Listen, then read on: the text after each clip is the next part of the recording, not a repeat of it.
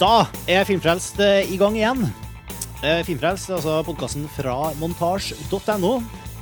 Du finner oss eh, på, film, nei, på montasj.no slash filmfrelst, der du finner, liksom, kan diskutere episoden, og det er linka tilbake til hele arkivet vårt med episoder. Og vi distribueres også via Dagbladet, så det er godt mulig at du hører på det her via db.no slash film. Jeg heter Martin Sivertsen, og jeg sitter her på Skype med Erik Fagel. Hallo, Erik. Hei sann, hei sann. Fra Tordenfilm. Og, og Lars Ole Kristiansen. Hei, hei. Hallo. Skriv på montasje. Ja, hvordan går det, karer? Har vi, har vi sett noe gøy siden sist? Vi, er, vi, skal jo prate først Altså, vi har satt opp et par filmer på, på planen allerede. Kickass og, og, Bad Lieutenant, Port of Call, New Orleans. Men før vi kommer dit, kanskje vi skal ta bare en liten sånn runde med andre ting vi har sett i siste. Erik? Ja, jeg har uh, kosa meg med Det regner kjøttboller, eller Cloudy with a Chance of Meatballs, som, er, som gikk på kino nylig, og som kommer på DVD i slutten av mai i Norge, men som allerede er ut i utlandet. Uh, Sony Pictures Animation, ja. Uh, fantastisk morsom film, basert på en barnebok, som jeg har forstått det. om en litt skrudd oppfinnergutt som finne opp eh, en måte å framkalle eh, Ja, og om, omdanne regnvann til litt forskjellige matvarer og ting. Kjøttboller, for eksempel kjøttboller.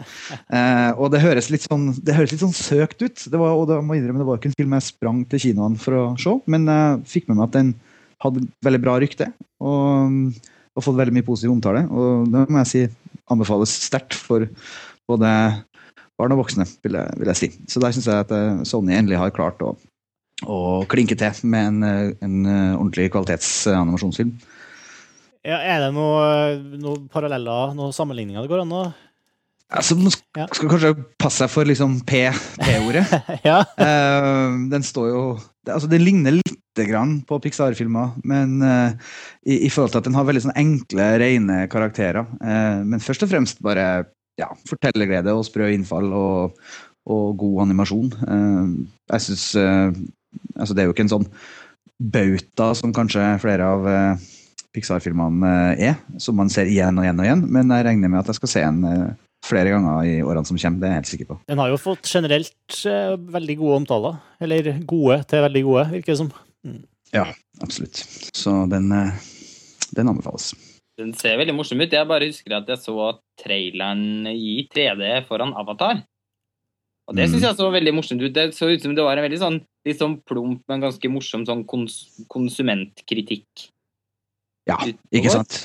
Det er jo det det handler om. Altså, Den derre maskina som han gutten finner opp, eh, blir jo eh, utnytta på det groveste av uh, byens borgermester, er det vel, som vil uh, sette setter øya på kartet og klarer å lure han gutten med på at uh, han, uh, det arbeidet han gjør, er veldig viktig for lokalsamfunnet. Og så blir han jo sjøl både kjendis og stjerne og populær, han gutten. Og, og, da har, du liksom, har jo han lurt seg inn i, inn i den inn i den fella der. Og, ja, og så er det selvfølgelig en, en damehistorie der også. En meteorolog som kommer til øya for å rapportere. Uh, og, og jeg syns det er ja, kult karaktergalleri. Og den er, sånn som jeg husker den, veldig sånn kort og enkel, og, men veldig sånn hysterisk og eh, Ja, på den gode måten, da. Hysterisk og, og morsom. Gags galore. Yes, og den er altså straks DVD-klar, regner jeg med? Eller kanskje mm. allerede ut på DVD? Den Fins på play.com, vet du. Ja, det er den vanlige Eh, ja, vanlige reklamen. Vanlige loophole. Yes. Ja. Um, ja, Sett noe ja, mer rart, da? Apropos det, det er jo liksom, jeg føler ikke det er noe vits å vente lenger. Altså, eh, det er jo bare å kjøre på. Bestill fra utlandet når det kommer dit. Billig penger, rett i postkassa. Ja, sånn er det. Det er liksom veldig rart at den norske videobransjen ikke Og ikke minst gratis levering, bare for å gjøre reklamen for Play.com ekstra komplett. Det er jo store salgsargumenter deres. Det er jo, brakt inn, brakt inn, i prisene, men det gjør det i hvert fall eh, veldig sånn lettvint. Men gratis er det jo ikke, du betaler jo for det gjennom den vanlige prisen. Den, men den vanlige prisen er jo som regel veldig lav, da. Ja, ikke sant. Ja. Jeg ser jo nå at f.eks. for eksempel De selger jo Avatar eh, der nå også. Eh, Mhm. Den koster jo ja, 9,99 pund, altså 100 norske kroner, da. Det er jo Det koster jo 180 er klart- på Rema her, da. Gjør det? Ja, Ja. Men har de sluppet den nå? Ja, du, det, det der var litt sånn Jeg, jeg leste nettopp eh, Nå har jeg ikke fulgt så nøye, mer på, eh, så nøye med på det, men det er jo en, har vært en sånn greie der med at det er mange som har solgt Avatar og andre filmer, da, men Avatar som har fått mest oppmerksomhet før den offisielle lanseringsdatoen. Altså mange butikker og eh, Release.no hadde en sak på det, i hvert fall. Mm. Som til en... Da snakker, vi- da, da snakker vi ikke om sånn vanlig forhåndsbestilling. Nei, vi snakker om at, at, at butikkene får, har kjøpt og får inn til varelageret sitt, ikke sant? men så legger de ut DVD-en i hylla før de egentlig skal gjøre det. Mm. Så jeg ser meg, jeg, her var liksom undertitlet 'Enda en Libris-butikk er tatt i å selge Avatar for tidlig'. Uh, Mm. Og det, den skulle egentlig bli sluppet på eh, i dag Nei, eh, ja De har ikke klart å skrive når det egentlige lanseringsdatoen var, men eh, Den er vel til onsdag, tror jeg. ja, men den var jo på den kan, Jeg kan jo kjøpe den på Rema her, det har jeg kunnet siden lørdag. Mm. Oi, såpass mye tidligere? Ja, for jeg husker at det var jo eh, det, var, eh, det var jo en periode hvor det kom så ekstremt mange sånn gigantfilmer, altså med 'Ringenes herre' og 'Harry Potter' og sånn. Da husker jeg ofte Elkjøp og sånn ble anklaga for å selge de for tidlig. Men, ja, men, det var litt skriverier om det da òg. For at nå, den, Avatar tar all plassen. Det har han som sagt gjort sin eh, på lokale matbutikken her. Liksom, all DVD-plassen eh, på mest prominente topplassering rett ved kassa. liksom, Sånn impulskjøpmodus. eh. Og ja, litt, litt overraska over det, altså. Den, den er jo også ikke, ikke overraskende 2010s største salgssuksess allerede på utgivelsesdagen. Eh, i, I forhold til hvilket volum som er forhåndskjøpt og omsatt. Eh, så jeg en melding om. Jeg synes det, det så ut som et fryktelig lite fristende kjøp. For det, Ja. det så ikke ut som det var noe særlig ekstramateriale eller eh, bonus i det hele tatt. Det er jo så eh, typisk at de alle sånn filmer som er så store som Avatar, får jo som regel en sånn veldig kjip utgivelse først. Nettopp. Fordi at de vet at fansen ikke klarer å vente. Og så kommer de med en sånn super special edition bare noen få måneder etterpå, fordi de vet at fansen er så engasjert at de vil kjøpe den en gang til. Jeg må jo innrømme at jeg kommer jo til å gjøre det selv. Ja, men det er en fair deal, det, tenker jeg. Altså, du, altså, du får bare la være å kjøpe den hvis du syns at det er et problem. Også, eller kjøpe den hvis du må ha den nå. For å se den på nytt. Ja. Den kom, men ja, det er jo ikke overraskende at den kommer til å selge helt ekstremt Men de snakker jo også om å sette den opp på kino igjen. da. Det er jo første gang jeg har opplevd at man slipper en film på DVD, og så setter den opp på kino igjen. Men er den av kino nå? Nei. Nei, Nei, men det- jeg syns ikke det er overraskende. Det var jo Star Wars. Det var sånn de gjorde det i gamle dager òg. Den ble jo satt opp, eh, første filmen ble jo satt opp en sånn minst fire-fem ganger Ja, men, i det, forskjellige runs i, i, i kinoen.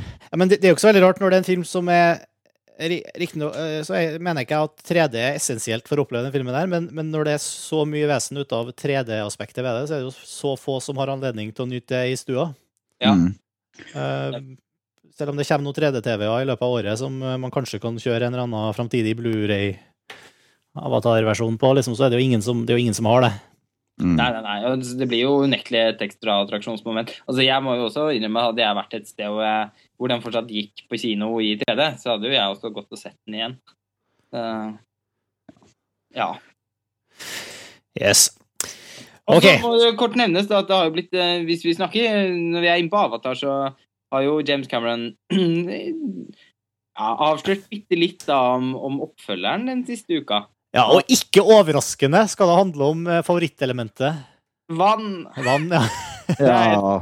For oss som, for de av oss som f.eks. for eksempel elsker The Byss, så lover jo det veldig, veldig godt. Og det er jo morsomt også at han ikke går tilbake til regnskogen igjen. Altså, det virket jo som det var en viktig ting for ham, da, at han ikke ville liksom lage enda en film i regnskogen. Og Det syns jeg er bra, for jeg vil jo se James Cameron leke seg med noen eh, med noen nye locations, da. Han er jo kjent for å si at han er jo en sånn dykkenerd. Sånn uh, dyphavsdykkernerd. Og han har jo sagt flere ganger at, flere, at han liksom noen ganger la, bru- lager filmer bare for å få uh, utviklingsressurser til å jobbe med, med nye sånn dykke, dyk, nytt dykkeutstyr, rett og slett. Jeg har ikke gjort noe stort annet enn å dykke de fem årene etter Titanic. Ja, jeg har sett de der dokumentarfilmene hans.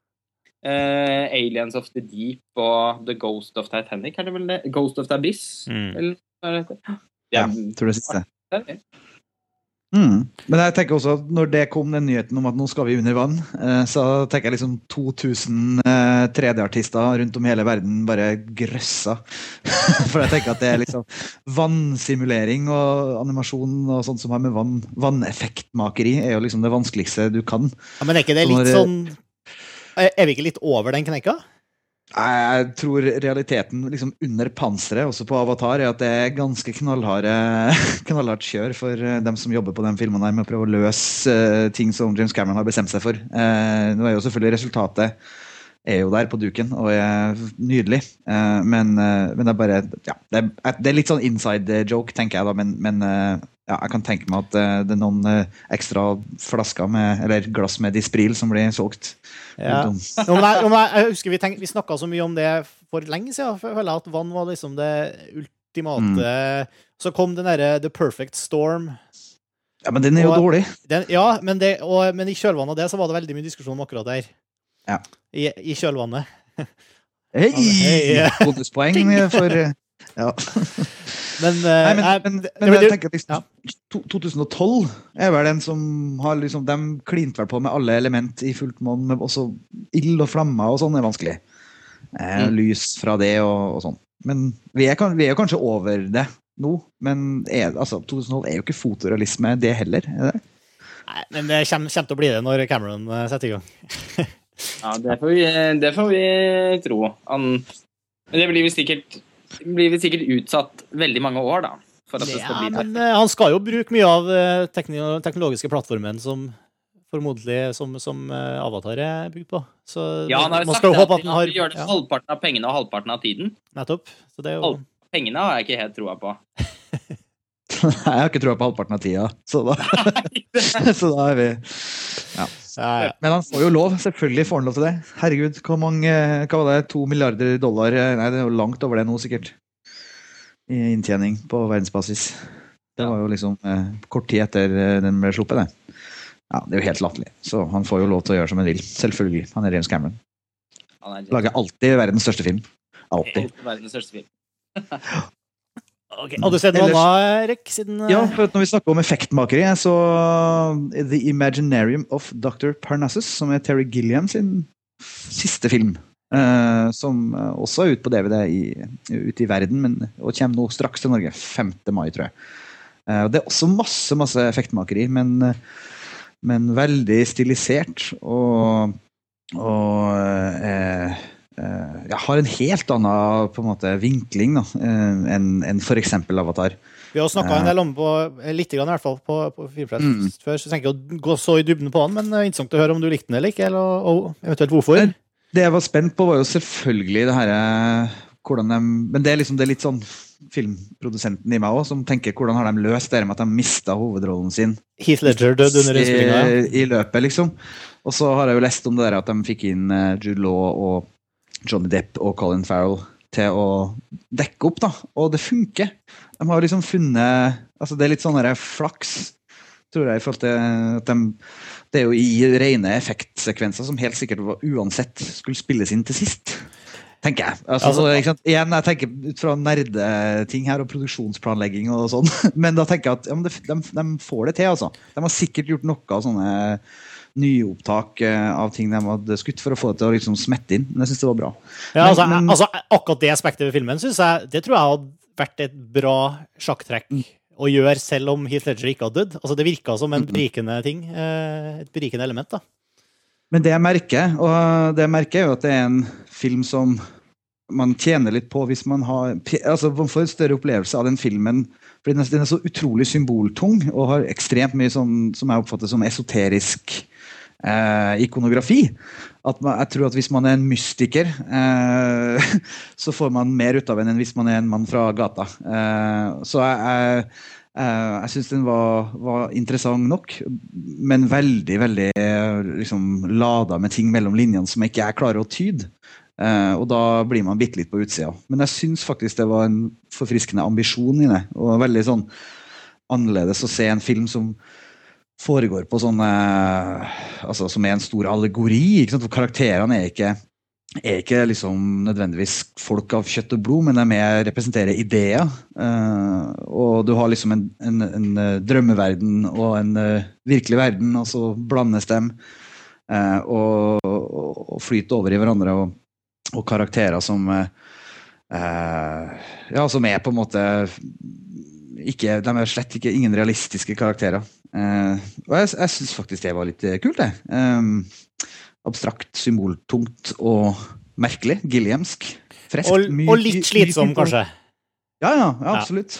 Det, er en, det er Gilliam i, i endte potens i forhold til sånn bare det rene visuelle språket til filmen. Det er veldig mm. veldig overlesse.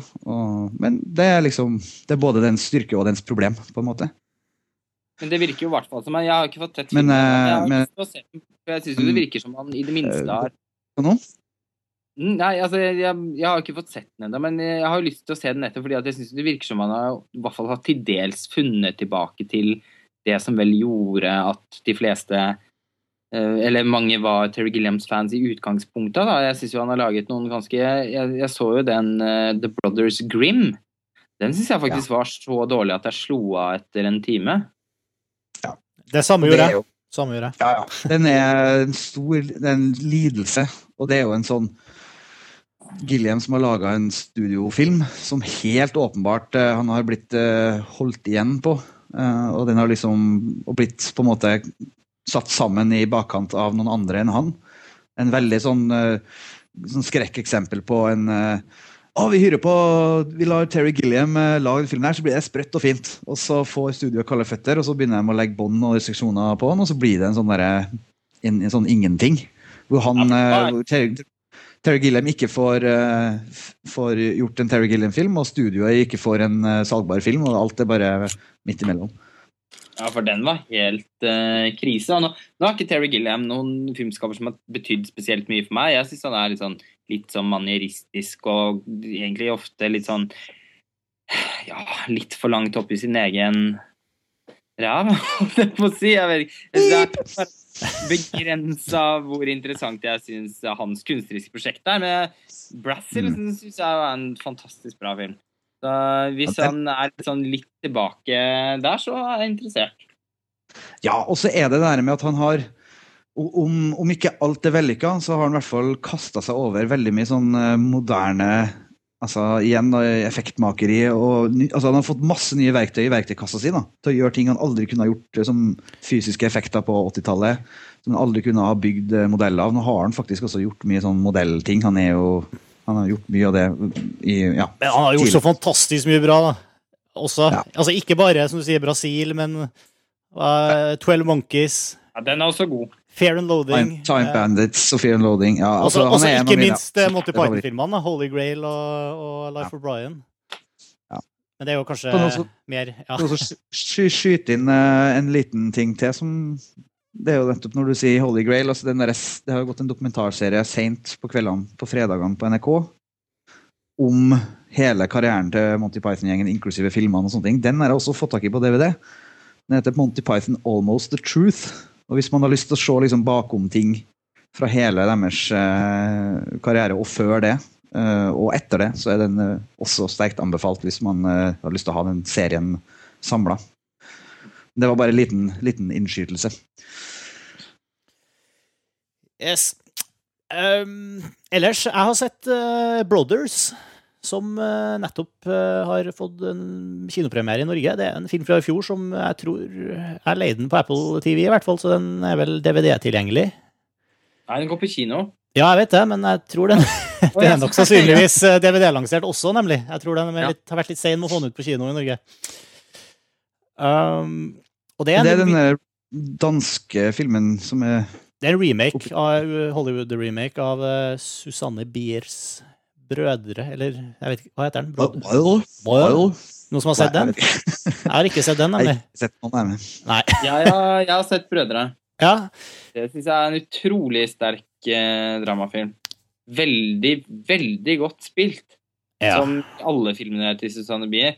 Uh, jeg er vel en av de relativt få tror jeg, som syns at uh, Etter bryllupet er en enda bedre film. For der syns jeg hun uh, rendyrker den såpeoperaktige melodramaet sitt så, der drar hun det så langt at jeg syns det blir nesten enda flottere og enda renere da, enn det det er i 'Brødre'. Men jeg syns fortsatt det er en forbanna god film. Altså, jeg ble, husker jeg ble fryktelig opprørt. Eh, emosjonelt opprørt når jeg så den filmen, men det begynner jo å bli noen år siden. Men jeg, den sitter sterkt i, og jeg merker at jeg er veldig lite interessert i å se en amerikansk remake av den filmen. Det kan jeg ikke fatte at uh, det, det, ser jeg ikke helt poenget med, selv om Jim Sheridan har jo laget mange gode filmer. Er en, og en, en god cast også, så det, jeg har jo på en eller annen måte litt lyst til å se den. Men jeg kan ikke helt forstå poenget med å remake en så, såpass helstøpt film som 'Brødre' er fra før av. Men jeg vet ikke, du som ikke har sett 'Brødre', Martin, hvordan var opplevelsen for deg? Altså, jeg tenkte jo ikke så mye på nødvendigheten av en sånn sett. Den virker jo på en måte relevant, fordi den handler jo om en, uh, om en amerikansk uh, soldat, familiefar, som drar til Afghanistan og, og, og, forsvinner der, da. Eller dør der, da, tror de hjemme i hvert fall. Og mens hans litt, skal vi si eh, broren hans, som er da hjemme, har nettopp sluppet ut fra fengsel og liksom, han er ikke så i gåsehudene vellykka. Han lykkes ikke så godt med det han prøver å gjøre i livet og er litt sånn Han eh, ja, dranker og, og litt sånn ender da opp med å uh, fylle tomrommet i familien hans da, mens broren er borte. Det er vel noe av det samme den danske filmen handler om òg? Ja, ja, helt. Ja, det er nøyaktig det samme. Mm. Og, så, og den virker da Det virker jo absolutt eh, tidsriktig sånn sett, altså. Mm. Uh, men men jeg, jeg, fikk Jeg vet ikke om jeg fikk så lyst til å se originalen heller, da, men bortsett fra at jeg fikk kanskje det etter at du skrøt sånn av den. Men, men jeg syns Brødre var eh, ganske flat tvers igjennom, altså. Uh, den nye remaken her, den er Det er den, den, den fremstår som en film jeg har sett før, selv om jeg ikke har sett den før. Den, eh, den gjør veldig lite, syns jeg, underveis for å, for å overraske meg. Det, liksom alt, alt, skjer akkurat sånn som de, det er lagt opp til, og, og det som er der av eh, skulle du si, følelsesmessig spenning og, og drama, sånn, er veldig knytta opp til de ungene i familien som, eh, som som, som, liksom er der og, og, og, skaper Det er dem som skaper spenninga rett og slett over enhver situasjon her, da. Um, og, og, det Jeg, jeg syns ikke det funker så veldig bra. Jeg syns ikke, det blir, jeg synes ikke han, Jim Sheridan har fått til å lage et veldig interessant drama ut av det. Det er veldig melodramatisk, og det er uh, Det er mye Ja, det er mye det er mye klisjé, rett og slett, det virker det som. Ja, altså man kan, jeg, man kan vel ikke akkurat uh, si at Susanne Bier heller finner på krutt i sin film. altså Den er jo også veldig konvensjonell og på en måte lite overraskende, men det hun er så god på, syns jeg, da Jeg har jo veldig sans for filmene hennes. det er at Hun tar jo ofte litt sånn klisjéfylte, såpeaktige historier, men tilføyer en sånn voldsom kraft da, gjennom sin regi. For hun er veldig veldig sånn nærværende, tett opp på ansiktene, og får jo alltid til noen helt enestående prestasjoner fra, fra skuespillerne sine. Både Conny Nilsen og Ulrik Thomsen er jo helt uforståelig bra i den danske filmen. Den, den syns jeg var verdt å se ene og alene pga. skuespillet, rett og slett. Ja, nå, nå, ble jo faktisk eh, Peter Parker, eh, jeg mener Toby Maguire, Oscar-nominert her også, for, for rollen i, som, eh, som den bortkomne broren. Eh, men jeg er klar Og det er som du sier, her er det også veldig mye nærbilder av ansiktet hans. Eh, eh, men jeg, jeg syns ikke castinga her er veldig overbevisende heller. Altså. Natalie Portman spiller husmor og En, en veldig svak rollefigur, egentlig. Hun gjør, hun gjør ikke noe annet enn å vaske klær og passe på unger, liksom, og, og være liksom, den som gråter og elsker mannen sin. Liksom. Det det høres litt patetisk ut. Uh, Conny Nilsen er en ganske Det var ikke sånn jeg opplevde henne i hvert fall i originalen. Jeg kan jo også se for meg at det er en rolle som Jeg forguder Natalie Portman. Aller mest fordi hun er så sinnssykt pen, men også fordi at jeg syns hun er en fryktelig god skuespiller. Men uh, jeg ser jo ikke helt for meg at dette er en rolle som hun kler spesielt godt. Det, det er ikke så mye å spille på her, i hvert fall. da. Og, og, veldig mye å liksom skal ligge i forholdet mellom, mellom søsknene her og ja, nei Uansett, det er en helt grei film også, men jeg, jeg fikk veldig lite ut av det. Ja. Så, så det. Um, ellers så har jeg sovna til Jeg har sovna til den her uh, Spike Jones-filmen. Å, men den er så bra. Ja. Og men, vet du, det er så krise, for det er ikke nødvendigvis filmen Hva heter den? Uh, Where the til Where land. things are. Ja, for at jeg le, jeg le, den leier deg også, og du har 24 timer til å se den når du leier en film på Apple TV.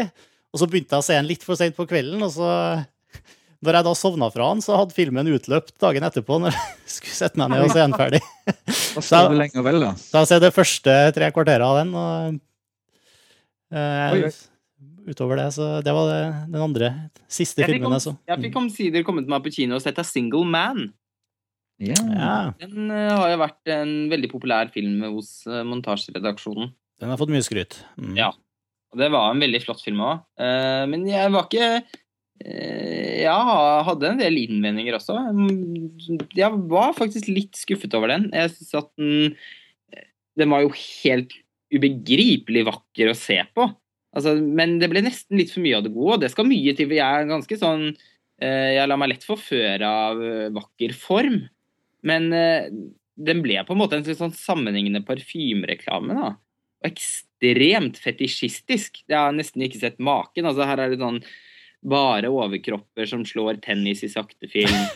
Det er veldig urettferdig å prate om den filmen når ikke Eirik er med. da. Han som Ja, var, det er nesten urettferdig. ja, for han har så lyst til å prate med den på Filmfrelst, og så hadde vi ikke tida sist gang, og nå har han, kunne ikke være med pga. at Ja, nei, ja, men altså, det blir nesten litt, uh, litt slem, Så jeg, Ja. nei, jeg bør ikke snakke så mye mer om det. Men jeg, det jeg syns med den filmen, var at jeg synes den begynte utrolig bra som en skildring av en sorgprosess. Det syns jeg de skildret veldig veldig bra. Colin Firth er makeløs i hovedrollen. Han burde vunnet Oscar for det. Eh, men på et eller annet sted på halvveien så mistet jeg litt interessen, fordi jeg merket at filmen gikk over i et litt sånn en litt sånn klassisk erkjennelsesreise, da, hvor man liksom Carpe diem, grip dagen, the future is now. Mm, Sier de f.eks. i en eller annen sånn, litt sånn, litt sånn blaut dialog mot slutten av filmen. Jeg, jeg veit ikke. Jeg, jeg, syns, eh, jeg syns rett og slett inn, at den innholdsmessig var ganske tynn, da, faktisk. Jeg, jeg syns den var veldig konvensjonell og, og, og litt sånn kjedelig forløst, sånn dramaturgisk sett. Da. Jeg, man kan veldig godt se at uh, han som har laget filmen, nok er aller mest opptatt av, av klær og vakre bilder i sakte film. Så det, jeg, og jeg kan veldig ofte lett falle for den type filmer, men i Single Man syns jeg faktisk at det gikk, faktisk gikk litt, litt for langt. Da. Jeg syns Mm. ikke den var så avgrunnsdyp som det enkelte syns. Men du har sett, eh, du nevnte før vi gikk på her, eh, noe helt annet apropos fetisjisme, eller jeg vet ikke om det er så veldig dekkende. Eh, Holy Mountain. Ja, ja, fordi jeg har nettopp hatt en sånn helt ekstremt stor filmopplevelse eh, med The, The Holy Mountain av Alejandro Jodorowsky, som jeg da ikke har sett, men det er en sånn film som jeg har hatt lyst til å se i mange år, men nå først nå fikk jeg anledningen til å se den, og den syns jeg var helt fantastisk. Det var eh, litt umulig å beskrive, da. På en måte. Er, den må rett og slett bare oppleves, men det er jo på en måte eh, Det minner det var et sammensurium av referanser jeg fikk til andre filmskapere. Altså, til dels minner den veldig mye om Fellini. Veldig mye om spesielt Satyricon av Fellini. Til dels er den litt sånn der herzogsk stemning. Eh, samtidig som den også minner litt om noen av filmene som Godard lagde mot slutten av 70-tallet, bl.a. Viken kan minne en del om. Eh, helt fullstendig på syre, men noe av det mest visuelt overveldende jeg kan huske å ha sett. Hver eneste scene er et nytt tablå da, med en sånn pustberøvende scenografi. Og det er ikke noen, er ikke noen handling her som, eh, som henger på greip. Da. Det er jo aldri noen Man må, må på en måte bare dysse seg inn i den stemningen som Jodorowsky skaper, men den syns jeg var såpass både såpass forstyrrende og såpass eh, oppslukende da, at jeg var fullstendig med. Og den en veldig, veldig mye grotesk vold og sex, men i en sånn morbi, som en veldig morbid kontrast til de helt ekstremt vakre bildene. Da. Og det er ikke bare det at det var vakkert, det var liksom Det var en sånn sans for bilder der og en visjon som jeg syns var helt spesiell. Og, og jeg kan ikke Altså, dette er en film som er laget uh, til dels ja, 73, så jeg. 73. Eh, den er vel egentlig laget en amerikansk produksjon, tror jeg, men er vel stort sett uh, spilt inn i Mexico. Han var jo meksikansk. Uh, og det er en fryktelig smal film. Jeg kan ikke helt forstå hvordan han, kan, han har klart å skrape sammen pengene til å lage denne filmen, fordi den så ekstremt dyr ut. han, han, er chilensk, eh, forresten. Uh, han er chilensk, så har han uh, en helt sånn egen karriere, ikke bare som filmskaper, men han er også tegneserieskaper og dramatiker og billedkunstner og jeg vet ikke ja, hva. Han sånn... Skjønt at han har holdt på med veldig mye forskjellig, men han, har han ikke også litt sånn fotfeste i Mexico? Har, han har helt sikkert produsert uh, der, altså. Uh, ja, og, og, og, i Spania, altså, men han har, han har jo altså, det, går jo, det har gått, i hvert fall. Altså, selv når han var på høyden i, i, filmproduktivitet, så gikk det jo mange år mellom hver av filmene hans. Så det, ja. det er også den derre sagnomsuste Var ikke han også involvert i den sagnomsuste Dune-filmatiseringa? Uh, Oi, nå er det Alien, Erik. Er det Alien? Å oh, ja. jeg må legge deg på. Nå er du tilbake. Ja. Okay. Ja. ja. Jeg vet ikke. Jeg kan egentlig bare begynne på å si altså, Jodorowsky er kjent som en sånn uh, multitalent innenfor både som tegneserieskaper og billedkunstner og dramatiker og har en sånn enormt uh, enorm kapasitet. Men det, men det, har også selv når han, gikk, når han var på høyden som filmskaper på, på 70-tallet, så var det liksom mange år imellom hver. Og jeg tror også, som du sier, Lars Ole, at det, hvordan han skaffa penger til de her prosjektene sine, det er, en, det er, jo sikkert en interessant historie i seg sjøl for hvert enkelt ja, av dem. Det var et mysterium for meg, fordi den så ekstremt påkostet ut. Uh, og Ja, nei, jeg ble helt uh, Jeg holdt nesten på å dette av stolen over den filmen. Jeg var veldig oppe min gate. Men det var også en som veldig, minnet også veldig mye om Louis Bunuel da, og den surrealismen hans. Men i, en sånn helt ekstrem versjon. Den var så skamløs, og så Det virker ikke som man har hatt noen hemninger, da. Altså, veldig mye bedre, syns jeg, enn El Topo, som er vel kanskje den mest kjente filmen hans. Som jo er en sånn kult-westernfilm, som også har veldig mange flotte ting ved seg. Men jeg syns jo The Holy Mountain var langt mer eh, imponerende som helhet, da. Det er eh, et av de største filmopplevelsene Det er kanskje den største, største filmopplevelsen jeg har hatt på, på, på, videofronten, i hvert fall, på veldig lenge. Bra tips, med andre ord. Ikke, må ikke, veldig, må ikke, for, ikke forveksles med Leni Riefenstahls Nei, ikke, ikke å forveksle med den. OK. Du, du, sa at den var herzogsk. Ja, vi, eh, vi kan, hva, hva, er, hva, er, det egentlig som Vi kan gå over til å snakke om eh, Bad Lieutenant, Port of Call New Orleans, som er den siste filmen til Werner Herzog. Som jeg vet at vi har sett begge to. Han. Ja. Hva er det som kjennetegner Werner Herzog først? Jeg mistenker at du har sett eh, langt flere filmer av han enn det jeg har, siden du kan trekke en sånn sammenligning. Ja, jeg har sett, ganske mye Herzog. Jeg, nei, altså det jeg forbinder med Herzog, er en slags sånn veldig merkelig stemning, da. Nesten sånn hypnotisk stemning hvor man bare dysses inn i en eller annen litt sånn eh, Det lar seg også dessverre veldig vanskelig beskrive, syns jeg. Men det er en eller annen sånn derre råskap og Og nesten sånn urkunstaktig eh, ting over de, over de, i hvert fall de filmene som er lagd på, på 70-80-tallet, som, eh, som, gjør at eh, vet ikke, på tross av at Han har jo sjelden, bortsett fra i Fitzcaraldo, så syns jeg jo sjelden han har fortalt en historie som er spesielt engasjerende. Eh, men, men, men, han har en eller annen slags stemning som som gjør at man ikke klarer å slå av, da. Selv om man liksom ikke har helt grep om hva som foregår. Som f.eks. i det jeg mener at er hans beste film, som er 'Agire der Sorengottes'. Som var den eh, første filmen som han lagde med Klaus Kinski. Og det, det, kan jeg jo si at det er jo de filmene, med, de filmene som Herzog lagde med Kinski, er jo de som jeg har helt klart nærmest forhold til. Da. De er veldig fascinerte. Jeg syns jo det samarbeidet mellom de to også, den fullstendig vanvittige skuespilleren og Herzog er jo nesten historiene om de, da, og det merkelige og veldig aggressive forholdet som de hadde seg imellom. er jo nesten vel så fascinerende som filmene i seg selv. Eh, men eh, Herzog lagde også noen andre veldig flotte filmer i den perioden, der, som f.eks. den som heter eh, Herz of Glass, heter den vel på tysk. Heart of Glass heter den på engelsk. Hvor han hadde alle skuespillerne sine hvor han hypnotiserte alle skuespillerne sine, så alle går rundt i hypnose i hele filmen.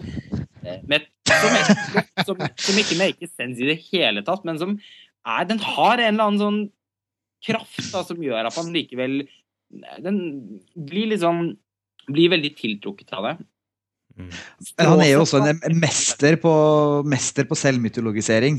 Altså, jeg tenker liksom han, eh, Hvordan han iscenesetter seg sjøl nettopp med, å, med, en sånn myteskaping om hypnose, og hvordan de holder på å ta kverken på hverandre, og hvor mange stabsmedlemmer som har dødd på filmene hans. Og sånn, altså, sånne helt, særlig på Sør-Amerika-innspillingene med Fitzcarraldo og Agirre i spissen.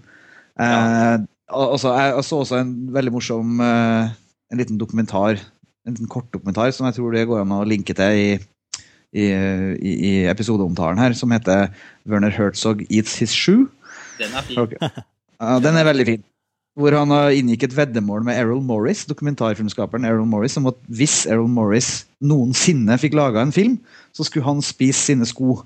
Uh, og det gjør han i den uh, filmen. Da kommer han på premieren til Errol Morris sin 'Gates of Heaven'. Og opp på scenen og koke skoa si og spise den mens han tar seg, tar seg en prat om uh, Altså foran et publikum, da. Så det er noen som har dokumentert det her. han er utrolig morsom på det. Men, men hvordan var egentlig den Bad Lieutenant, da? Ja, nå har han jo lagd en film sånn det, Med amerikanske Altså Nicholas Cage og Eva Mendes og, i hovedrollene, og, og, den heter Bad Lieutenant, som er, er jo en uh, Men det er ikke, sier han sjøl, en remake av uh, uh, den forrige filmen som het Bad Lieutenant fra 1992. Nei. Og, og, og han, han, sier til og med at han ikke har sett den filmen. Mm. Men han kaller den likevel Bad Lieutenant, og den handler om en Bad Lieutenant som Eh, knaske og røyke og tar i seg masse forskjellige rusmidler og, og tar Bruker sin eh, posisjon som løytnant til å ja, skaffe seg seksuelle tjenester og alt mulig sånt. Eh, nøyaktig som den opprinnelige filmen med Harvey Keitel i hovedrollen. Jeg tror det, tror det bare at noen produsenter i bakgrunnen der har eid rettighetene til navnet eller noe sånt. Det er noe sånt som gjør at den heter Bad Lieutenant, tror jeg. Det har, ja. som du sier, det har ingen relasjon med karakterene i den eh, Ferrara-filmen. Nei, men tematisk er det jo ikke helt ulikt, ikke det som. Um, Nei, men, ja. men uansett, det er jo eh, Det er en ganske sær film, da.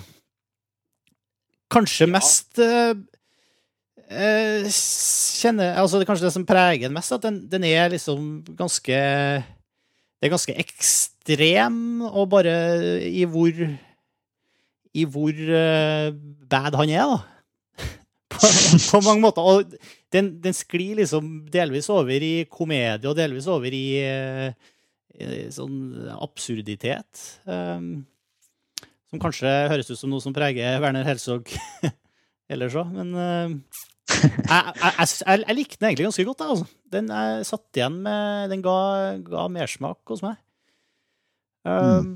Det som kanskje var mest interessant, syns jeg, at det er, en, det er, en, del sånne scener der som, som er veldig sånn som bevisst, Gjør deg veldig bevisst på, på kamera, gjør deg veldig bevisst på, på hele iscenesettelsen. Som du plutselig, midt inni en forhørs... Eller jeg husker ikke nøyaktig konteksten, men eh, en eller annen scene hvor eh, politifolk snakker med noen en, på en crime scene, liksom, så ender kameraet opp med å eh, bare hvile på en krokodille eller en iguana i mange minutter, eller det som i hvert fall virker som mange minutter, da, mens resten av, av skuespillerne sånn, er bare ufokusert i bakgrunnen. og en krokodille som plutselig begynner å spise på kamera liksom, og kakke til linser. og det, det, er veldig mye der som bare får deg til å tippe helt over i, etter hvert da, i, i en eller annen sånn følelse av at den virkeligheten som blir beskrevet her, er på mange måter eh, kanskje en slags sånn del av eh, hele den derre rusen han eh, hovedpersonen er i. Tenker jeg, da. Jeg vet ikke hvordan du opplever det, Lars Ole? Jo, jo, jeg er litt eh, jeg er enig i den beskrivelsen der. Og jeg syns jo de scenene kanskje var de mest morsomme i filmen. fordi at der merket jeg Werner Herzog sitt nærvær. da, Og det er jo liksom Erik sier at mye av gleden ved å se filmene hans er jo nesten vel så mye han som person, da, og den myten om Werner Herzog i nesten, i nesten like stor grad som filmene i seg selv. Og i de scenene der så Han klarer jo aldri helt å legge fra seg den eh, fascinasjonen som han har overfor naturen, da, det monstrøse i naturen. Altså, han har sagt en helt fantastisk ting i den, eh, i den eh, dokumentaren bak Fitzcarraldo, som er laget av en dokumentarfilmregissør som heter Les Blanc, eh, hvor han sier The birds are not singing, they are screaming out of pain. Han har, han har jo en, en, forståelse av naturen som en sånn veldig destruktiv og brutal kraft. da. Uh, Chaos reigns. Jeg skulle til å si det. og, eh, og, de gangene hvor han uh, på en måte lar det få flyte litt fritt, da, så syns jeg det er, er, morsomt å se på. Uh, som helhet så syns jeg Bad Lieutenant var en ganske konvensjonell, sånn, nesten litt sånn TV-film. Den har jo fått veldig god mottakelse, og det er litt problemer med å forstå. Jeg syns at den var ganske skuffende. Jeg synes Det var en nokså forutsigbar og lite engasjerende historie. Og jeg, jeg syns at uh, Nicholas Cage synes jeg var fryktelig morsom i den rollen. Det var en rolle som kledde ham veldig godt. Nicholas Cage er kanskje best på å spille litt sånn morsomme, eksentriske karakterer, som han jo også, også gjør i Kickass. Uh, så jeg syns det var morsomt å se han også få boltre seg litt. Men uh, historien og uh, måten også filmen var regissert på, syns jeg var veldig pregløst. Og jeg synes at det er, noe, det er noe et eller annet absurd da, ved å se at Werner Herzog på en måte uh, har blitt på en regissør. altså, Den forrige filmen han lagde, altså 'Rescue Dawn' nå, var jo Jeg likte den litt bedre. Men der også syns var, var det akkurat som man laget nærmest en sånn nå vet jeg jo veldig godt at det ikke er en oppdragsfilm, men det nesten føles som en sånn oppdragsfilm. Da han bare kommer på settet og gjør en jobb, og så har han et par eksentriske scener. Og så hopper han på et nytt prosjekt. Han er forferdelig produktiv. Han lager jo sikkert to dokumentarfilmer i året ved siden av det her. Eh, men jeg mangler Jeg, jeg syns jo Herzog har mistet litt grepet. Altså, jeg, jeg, jeg syns ikke Jeg blir ikke så fascinert av, av det han holder på med nå. Jeg synes det var De filmene som han lagde på 70-80-tallet, syns jeg har noe helt helt spesielt ved seg som, som jeg som jeg, som jeg blir veldig fascinert av, men dette her syns jeg eh, var veldig plain, egentlig. Det, men, ja, men det er kanskje det at jeg vet, det er kanskje noe det gjør som at, at den er kanskje lett å, Den er kanskje mer konvensjonell enn den er sær her, da. Eh, mens kanskje det høres ut som den kanskje er mer sær enn den har vært konvensjonell før. Og at, at den kanskje derfor er lettere å svelge, men kanskje du syns den er litt mindre interessant. Jeg, jeg syns det ble en sånn de scenene ga nok spice, føler jeg, til at det var en uh, stemninga og Jeg føler at det ble en ganske spissa, fin film, da, men uh, Jo, men jeg, jeg syns også Jeg syns det var en det var en ganske god film, jeg også. Altså, innenfor, uh, innenfor sin sjanger så syns jeg den fungerte ganske godt. Jeg bare merker at jeg, jeg syns jo uansett at det er litt skuffende at en så stor og visjonær filmskaper lager noe så Men altså, historiemessig var det jo ganske uh, intetsigende. Og, ja, jeg syns det. Og, og, men den er jo heller ikke så veldig sånn den er jo, til, til tross for at den, du sier, altså, den er ikke konvensjonell i måten den utnytter altså Val Kilmer er med, for eksempel. Ja. I det som kunne ha vært en veldig stor rolle. Ja, han sier jo kanskje fem replikker. Ja, ja det, og Brad Dourif også i en sånn litt sånn pussig rolle. Det virker jo som han har fått med seg en del folk på dette her. og men, bare, men, det jeg liksom ikke skjønner helt, er at den har fått så, for den har fått veldig god kritikk, spesielt i USA. Mm. Roger Ebert satt jo dette som et av de ti beste filmene i hele fjor. Jeg har veldig problemer med å forstå. Altså, og, og, nettopp fordi at eh, den har fått så panegy, såpass panegyrisk mottakelse, så har jeg hatt ganske store forventninger til filmen og vært litt sånn herregud, så dette her, at dette ikke kommer opp i kino i Norge er jo en skandale osv. Men der syns jeg var litt uh, føre var. Jeg, jeg, kan jo på en eller annen måte se at dette er en film som slippes rett på video. Det er ikke det, den er bedre, veldig mye annet som settes opp på kino, men jeg syns jo ikke jeg syns ikke det er noe å snakke om. Altså. Jeg syns det var ganske middelmådig. Hmm. Nei, men da, da, da snakker vi ikke om det. Men den er, jo satt, den, er jo, den er jo satt opp på kino i Norge. Mm. Den skal settes opp på kino i Norge. Den står Den skal- som, Det skal den står som premiere kino ubestemt. Den ligger i hvert fall på Filmweb med Ja, men Den hadde dato for en stund siden, og så har de trukket okay. den tilbake. Og da For nå er den jo jeg DVD-aktuell. mistenker at den havner rett på DVD. Altså. Skjønner. Ja. Men Yes. uh, Nicholas Cage er jo bindeledd her, da. Videre til Ja, jeg syns vi er veldig gode på overgangene i dag. Ja, gutta. Til, Ja. til Kickass, hvor han spiller faren til Hitgirl, har jeg skjønt. Yes. Um, en film som uh, har fått um, det er masse, masse, masse presseomtale, masse oppmerksomhet. Det er basert på en tegneserie som også er veldig ny, som jeg tror Filmmanuset ble vel basert på første del av en tegne, uh, tegneserie serie med tegne, tegneserier, med graphic novels. Og det har bare kommet en del ennå, så jeg tror den andre, jeg tror oppfølgeren er under, under eh, tegning og skriving nå. Uh, hyp hypervold og eh, kontroversielle barnehelter. Lars Ole, nå sett ta over før jeg roter meg helt bort. Ja. Nei, jeg har sett denne filmen to ganger. Uh, og første gang så Ja, det liksom Dette er jo egentlig en type film som jeg aldri klarer å gire meg så veldig opp for, så jeg hadde ikke, på tross av at den hadde fått veldig mye forhåndsomtale og veldig gode kritikker eh, i, fra mange hold, da, så var jeg annet fem stjerner i Empire, så hadde jeg på en måte litt så måtelige forventninger når jeg gikk og så den. Og de ti første minuttene så fikk jeg bekreftet det, fordi den på en måte virker som en sånn tilsynelatende veldig konvensjonell og småmorsom film som blir veld, sånn overdrevent hypet opp i USA. Men liksom hvor det er sånn, noen sånn litt sånn stusslige tenåringsgutter som drømmer om å ligge med den peneste dama på skolen, og som er tegneserienerder, og en av de bestemmer seg for å bli en superhelt. Og så er det sånn kjempemasse litt sånn sirupseie Spiderman-referanser. En veldig sånn klassisk satire, da. Eh, Men på et eller annet tidspunkt så så tok jo denne filmen en Hallo? Hallo, ja. Jeg er med. Erik ramla ut. Ja. Ja. Ja, da begynner jeg på nytt. På Nei, jeg trenger ikke begynne på nytt. ja. Men på et eller annet tidspunkt så tar jo denne filmen en helt annen retning. Som gjorde at jeg nesten fikk kjevene i gulvet.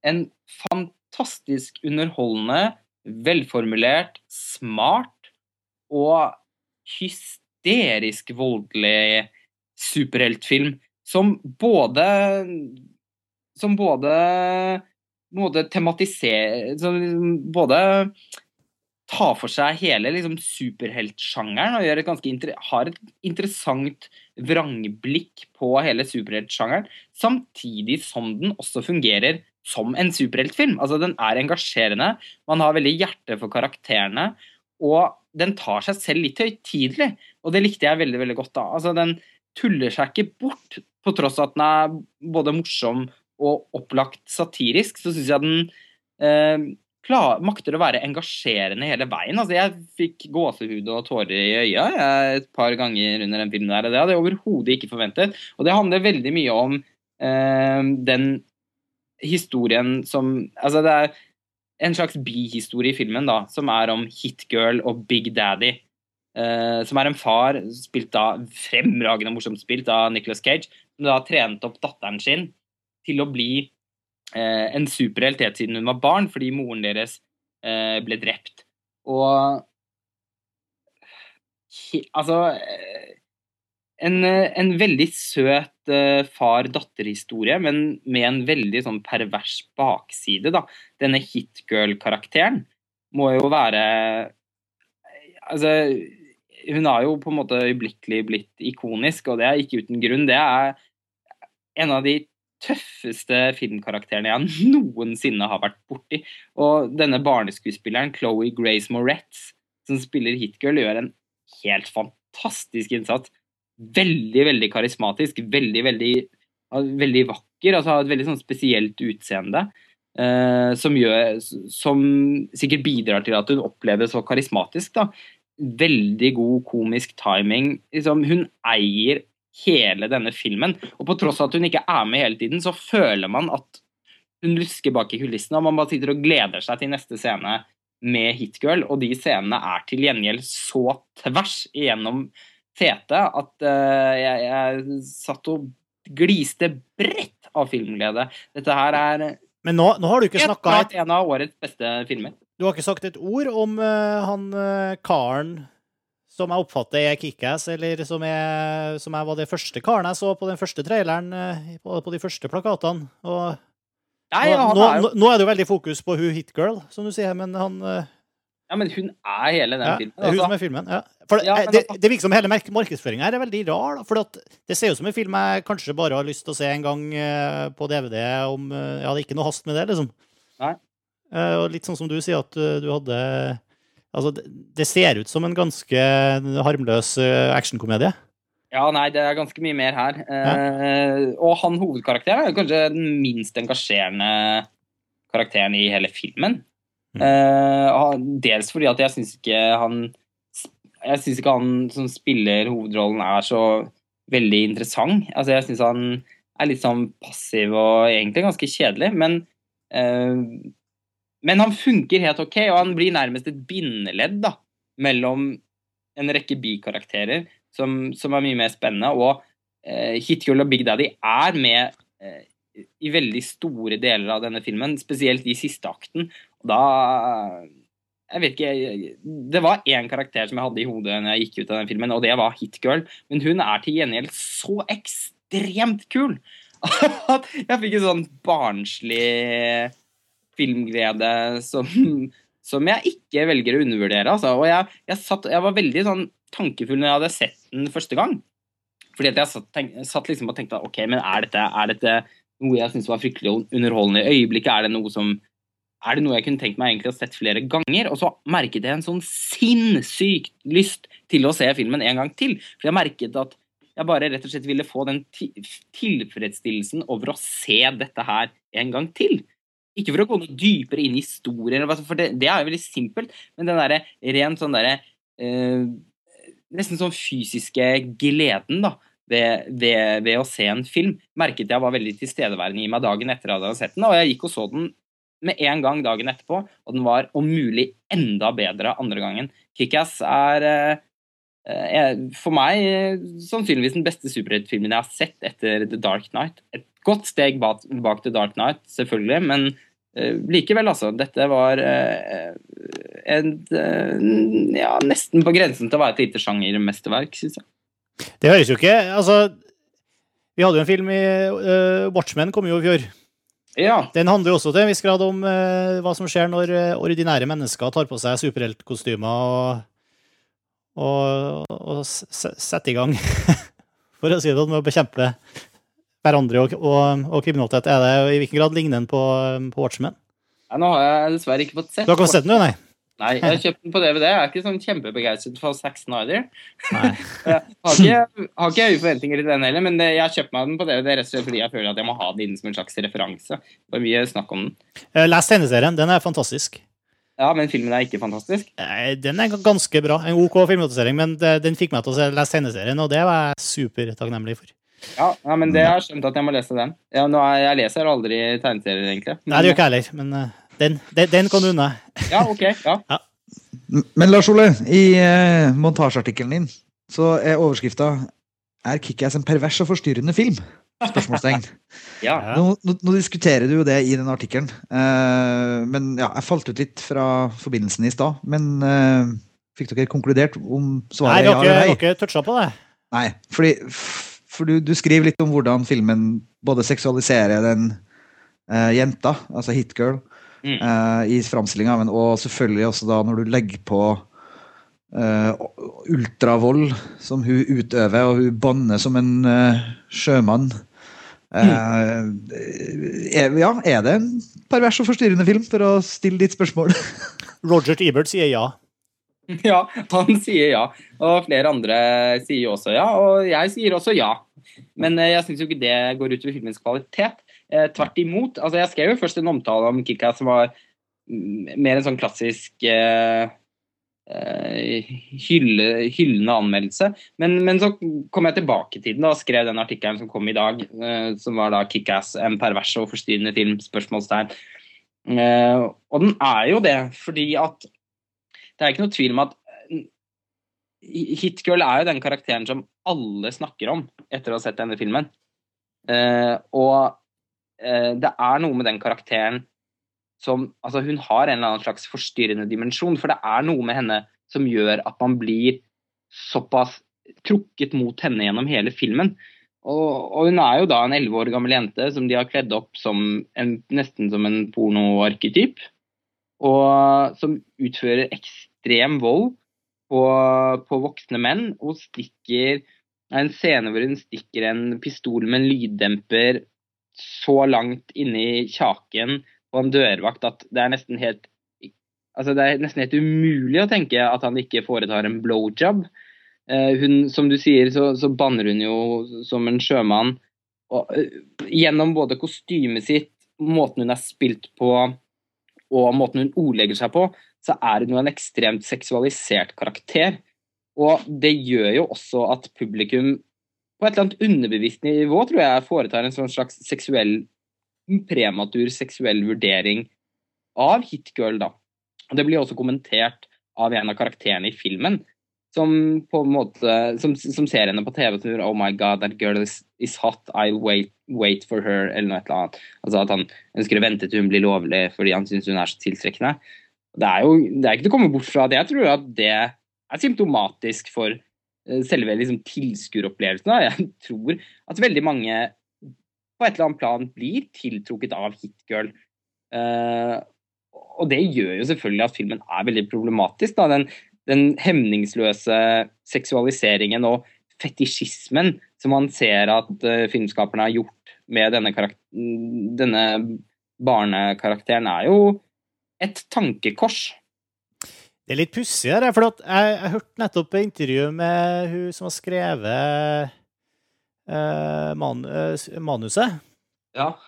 Uh, hva heter hun? Jane Jane, Jane Goldman på Kona til tegneserieskaperen, ikke Ja Matthew Vaughan har skrevet det sammen med Jane Goldman. Det er ja. han regissøren. Ja. Uansett, ja. ja hun, hun, hun, sa i hvert fall at da, og det var på den podkasten vi liker å skryte av, Screenwriter, Screenwriter Magazine-podkast hun sa det i forhold til det, at da de gikk rundt og skulle selge filmen, og sånn, så, så, var det veldig mange som sa ja, vi, vi, kan godt, det her kan vi kjøpe hvis du gjør hun til en 18 år gammel jente isteden. ja. og, så videre. Og da, og da så, så sier hun da at nei, det, det ville jeg var, det ville hun, Jane Goldman sier da, det ville vært uh, veldig moralsk uh, uh, forkastelig, syns jeg, å gjøre. Og det var ikke noe interessert i å ha en overseksualisert 18 år gammel jente som skulle Da ville det liksom altså, hun mente at der gikk jeg, jeg, skjønte ikke helt hva hun mente i forhold til Jeg får det ikke helt til å stemme med det du sier nå. Um, Nei, altså, det, de har jo laget en overseksualisert elleve år gammel jente isteden. Ja, det, det hørtes ikke sånn ut på det hun sa, men at det var det som var hensikten hennes. Men, uh, ja, men det ville jeg gjort. Men altså, det er klart at de, det må en viss tolkningslyst til da, for å dra de parallellene som jeg blant, blant annet gjør i denne artikkelen. Uh, og jeg tror ikke at alle opplever den på den måten. Men jeg vil jo påstå at de fleste vil gjøre det litt underbevisst, da. Fordi det er noe med den karakteren som eh, som er litt sånn perverst, rett og slett. da. Uh, og det er ikke til å komme bort fra. Og jeg tror at mye av fascinasjonen for karakteren ligger nettopp i det. da. Hun, og hun føles så forbudt, da. Jo, man, man tiltrekkes jo veldig av det forbudte. Og det at man er liksom eh, ikledd et barn disse kostymene, lar henne snakke på den måten, lar henne utføre, utføre, den ekstreme volden som hun gjør i filmen. Hun hogger jo armer og bein. Eh, er jo Ja. Jeg, jeg, tror jo alle på en eller annen måte reagerer på det når man ser filmen, uten at man kanskje egentlig tenker over det selv. Fordi at hun representerer jo nettopp en slags, hun blir jo en slags vandrende tabu, da. Og det blir man jo ganske Det blir man jo tiltrukket mot. Gjør man ikke det? Den, men den, det, det, du sier med at uh, man blir på en måte påvirka her altså, Jeg la merke til at det kom oppslag på at den, den, sank som en stein på kinoene i USA fra første helg til andre helg. altså Den var vanvittig hypa. Men så var det liksom en uh, godt over, en, uh, godt over en halvering av besøket fra første helg til andre helg. Så det kan jo virke som om den, uh, den var overhypa, og, og, at publikum har ikke anbefalt den videre. da, uh, De som var først ut med å se den. Det er merkelig, fordi det virker jo som om publikum elsker filmen.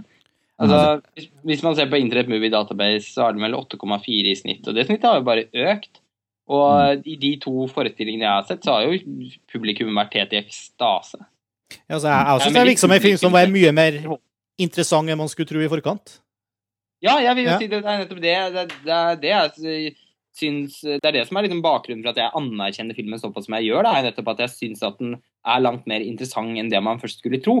Men eh, på, ikke nødvendigvis på tross av det, men like fullt, i hvert fall, så er det jo også en ekstremt underholdende uh, actionfilm. Mm. Og veldig, altså, veldig publikumsvennlig på, på, egentlig alle måter. Det ser i hvert fall ut som en, eh, en begivenhet. Ja, jeg synes den er Månedens ja. Eh, begivenhet, nesten, på Eller kan ja, man kanskje si. Det vil jeg mm. absolutt uh, si at den er, altså, fordi uh, ja, hvis man jeg vil også tro at dette er en film som kan skape en del interessante samtaler da, på lengre sikt. Eh, når, når, publikum også kommer over den litt sånn euforiske opplevelsen av å se den, så vil jeg også tro at den kan, kan få Ja, at det kan bli noen fruktbare samtaler over noen glass øl, nettopp mm. fordi at den er så drøy. Da, for den er virkelig overraskende drøy. Og et godt sted å ta samtalen er også på kommentarfeltene til artikkelen din, som var veldig god. Som Albert har titt på. Vi skal linke den opp under, eh, under episoden her òg. Ja. Nei, det, det, man kan jo kjøre debatt der. Det er noen Kjør debatt. som har sagt allerede. Yes. Vi skal begynne å runde av. Vi må selvfølgelig innom vår Gjett filmen-konkurranse igjen. Um, vi, forrige uke så spilte vi et klipp, og det var altså opp til dere som hører på, å gjette hvilken film klippet var fra. Og her er klippet vi spilte sist episode. Do you think you're the only one that's suffered? We've all been through it in here. But we haven't given up. We're still human beings. Dignity. It's you. You're out there with the garbage. You're nothing.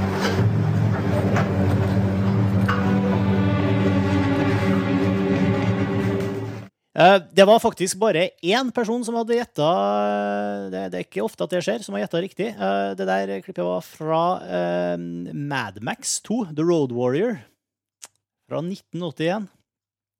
Uh, og det var bare Alexander Bruki som hadde svart riktig. Så da er T-skjorta, montasje-T-skjorta på vei i posten til deg, Alexander. Gratulerer. Uh, Madmax var selvfølgelig en flott film som alle bør se hvis dere ikke har gjort det. Uh, og vi skal ha en ny konkurranse, så det er bare å, høre godt etter og høre om dere drar kjensel på hvilken film det klippet her er fra. I want to meet this Duke. You can't meet the Duke. Are you crazy? Nobody gets to meet the Duke. You meet him once and then you're dead. Og det var klippet. Hvis dere kjente igjen filmen, så send dere en mail til filmfrelst at montasj.no og sett eh, konkurranse filmfrelst 41 i emnefeltet. Og så må dere gi oss eh, postadressen deres og hva slags T-skjortestørrelse dere ønsker dere. Sånn. Uh, yes. Noe å tilføye, karer, før vi runder av denne episoden? Nei, egentlig ikke. Egentlig ikke, altså. Nei. Bra. Nei. Uh, oh, uh, jo, slutt å være noe. Ja, men det var egentlig Det var bare eh, at, eh, den oppfordringa som du pleier å ha om at eh, alltid, om at eh, bruk kommentarfeltet. Ja. Og, og, ja. og, og, send oss post med ting ja. dere syns vi skal ta opp, eller reaksjoner på hva vi har sagt. Godt poeng. Eh, adressen er altså filmfrelst.montasj.no. Eh, bare send oss e-poster. Vi diskuterer gjerne ting. Og gjerne tips til filmer vi bør prate om, eller eh, innspill dere har til ting vi har sagt, eller dere har noen meninger i forhold til nye kinofilmer, hva som helst, filmflest.montasj.no, og bruk kommentarfeltene på montasj.no. Det var det. Ha det bra, folkens. Takk for i kveld. Ha det bra. Vi høres om et par uker. Hei.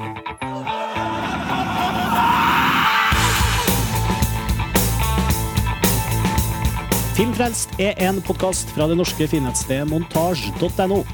Du kan abonnere på Filmfrelst i iTunes, og du kan lese mer og delta i diskusjonene om hver enkelt episode på montasj.no slash filmfrelst.